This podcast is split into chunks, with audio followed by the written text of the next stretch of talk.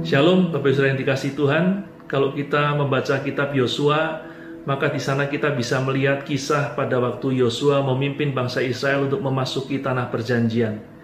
Itu adalah sebuah tanggung jawab yang sangat berat buat Yosua, Saudara. Mengapa? Karena dalam Yosua pasal pertama ayat yang pertama dikatakan saat itu Musa sudah meninggal. Sehingga Yosua harus melakukannya seorang diri. Dia hanya bisa mengandalkan Tuhan. Dan saudara, supaya Yosua berhasil membawa bangsa Israel masuk tanah perjanjian, apa yang Tuhan perintahkan kepada Yosua. Dalam Yosua pasal pertama ayat yang ke-8, Tuhan berkata demikian saudara. Janganlah engkau lupa memperkatakan kitab Taurat ini, tetapi renungkanlah itu siang dan malam, supaya engkau bertindak hati-hati sesuai dengan segala yang tertulis di dalamnya Sebab dengan demikian perjalananmu akan berhasil dan engkau akan beruntung. Saudara, supaya Yosua berhasil menunaikan tanggung jawabnya yang berat itu, maka Tuhan memerintahkan supaya Yosua bertindak hati-hati. Kalau Yosua bertindak hati-hati, meskipun tanggung jawabnya berat, tetapi Yosua pasti akan berhasil melakukannya. Nah, saudara, bertindak hati-hati juga perlu kita lakukan di saat-saat ini, di masa-masa yang tidak mudah ini, saudara. Kita harus bertindak hati-hati sehingga kita tidak membuat kesalahan-kesalahan yang bisa merugikan diri kita sendiri.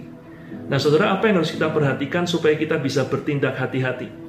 Mari saya mengajak kita untuk belajar dari seorang tokoh Alkitab. Saudara, dalam Keluaran pasal 2 ayatnya ke-11, saudara, dikatakan bahwa Musa setelah dewasa, meskipun dia diangkat anak oleh putri Firaun, saudara, tetapi Musa tahu bahwa dia adalah orang Ibrani. Dan karena itu saudara, pada waktu Musa melihat ada seorang Ibrani dianiaya, dipukul oleh seorang Mesir, Musa bermaksud membela saudaranya tersebut. Dan setelah dia menengok kanan kiri dan tidak ada orang saudara, Musa membunuh orang Mesir tersebut. Musa menyangka perbuatannya tidak ada yang tahu saudara. Tetapi ternyata sampai Firaun pun mengerti, mengetahui apa yang Musa lakukan, yaitu dia sudah membunuh seorang Mesir. Dan karena itu Firaun berusaha membunuh Musa. Tidak ada pilihan lain saudara. Musa harus lari meninggalkan Mesir dan karena itu dia pergi ke Midian. Saudara, maksud Musa, tujuan Musa adalah baik membela rekan sebangsanya. Tetapi sayangnya Musa melakukan hal yang baik tapi dengan cara yang salah, dengan cara yang keliru saudara.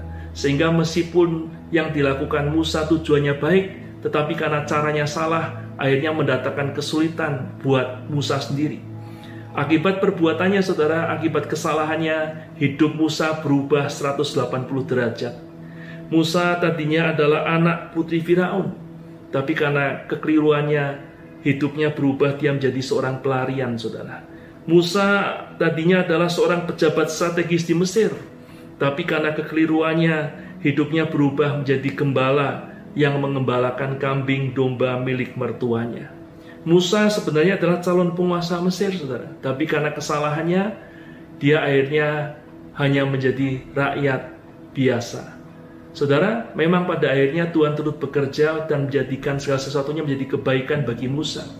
Tetapi dari kisah ini kita belajar, jangan sampai saudara, kita di saat-saat ini melakukan hal yang benar, tujuannya benar, tapi caranya salah caranya keliru, caranya tidak benar.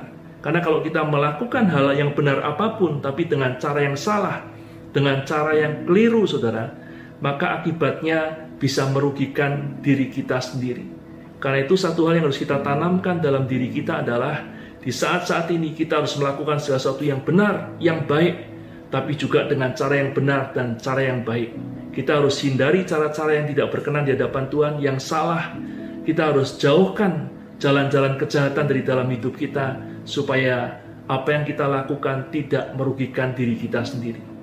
Nah, saudara, bagaimana supaya kita diberikan hikmat, diberikan kekuatan, supaya selalu bisa melakukan sesuatu yang baik, tapi juga dengan cara yang benar dan baik.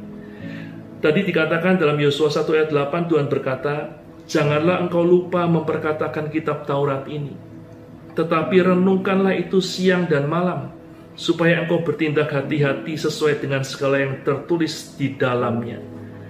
Artinya saudara, kalau kita mau menjadi orang yang dalam segala sesuatu yang kita lakukan selalu berhati-hati, sehingga kita selalu memilih cara yang benar untuk melakukan hal-hal yang baik dan benar, maka kita harus tekun untuk membaca, merenungkan, memperkatakan firman Tuhan. Karena kalau kita tekun melakukannya, maka segala apa yang kita lakukan nanti akan sesuai dengan firman yang selalu kita baca, kita renungkan, dan kita perkatakan. Amin, saudara. Karena itu berbahagialah kalau selama ini kita tekun membaca dan merenungkan firman Tuhan, karena saya percaya firman akan memberikan kita kekuatan untuk selalu melakukan segala yang baik, juga dengan cara yang baik, saudara. Dan kalau kita selama ini belum tekun membaca firman Tuhan, mari saudara, saya mengajak kita untuk bertekun membaca dan merenungkan firman Tuhan supaya di hari-hari ke depan, di masa-masa depan nanti saudara, kita semakin jadi orang yang bijak, yang melakukan segala sesuatu yang baik dan benar dengan cara yang baik dan benar pula. Sehingga tidak ada hal yang merugikan diri kita dan hidup kita mempermuliakan nama Tuhan. Itu yang bisa saya bagikan hari ini saudara. Saya berdoa biasa diberkat buat kita semua. Sampai jumpa dalam kesempatan berikutnya. Tuhan memberkati dan shalom.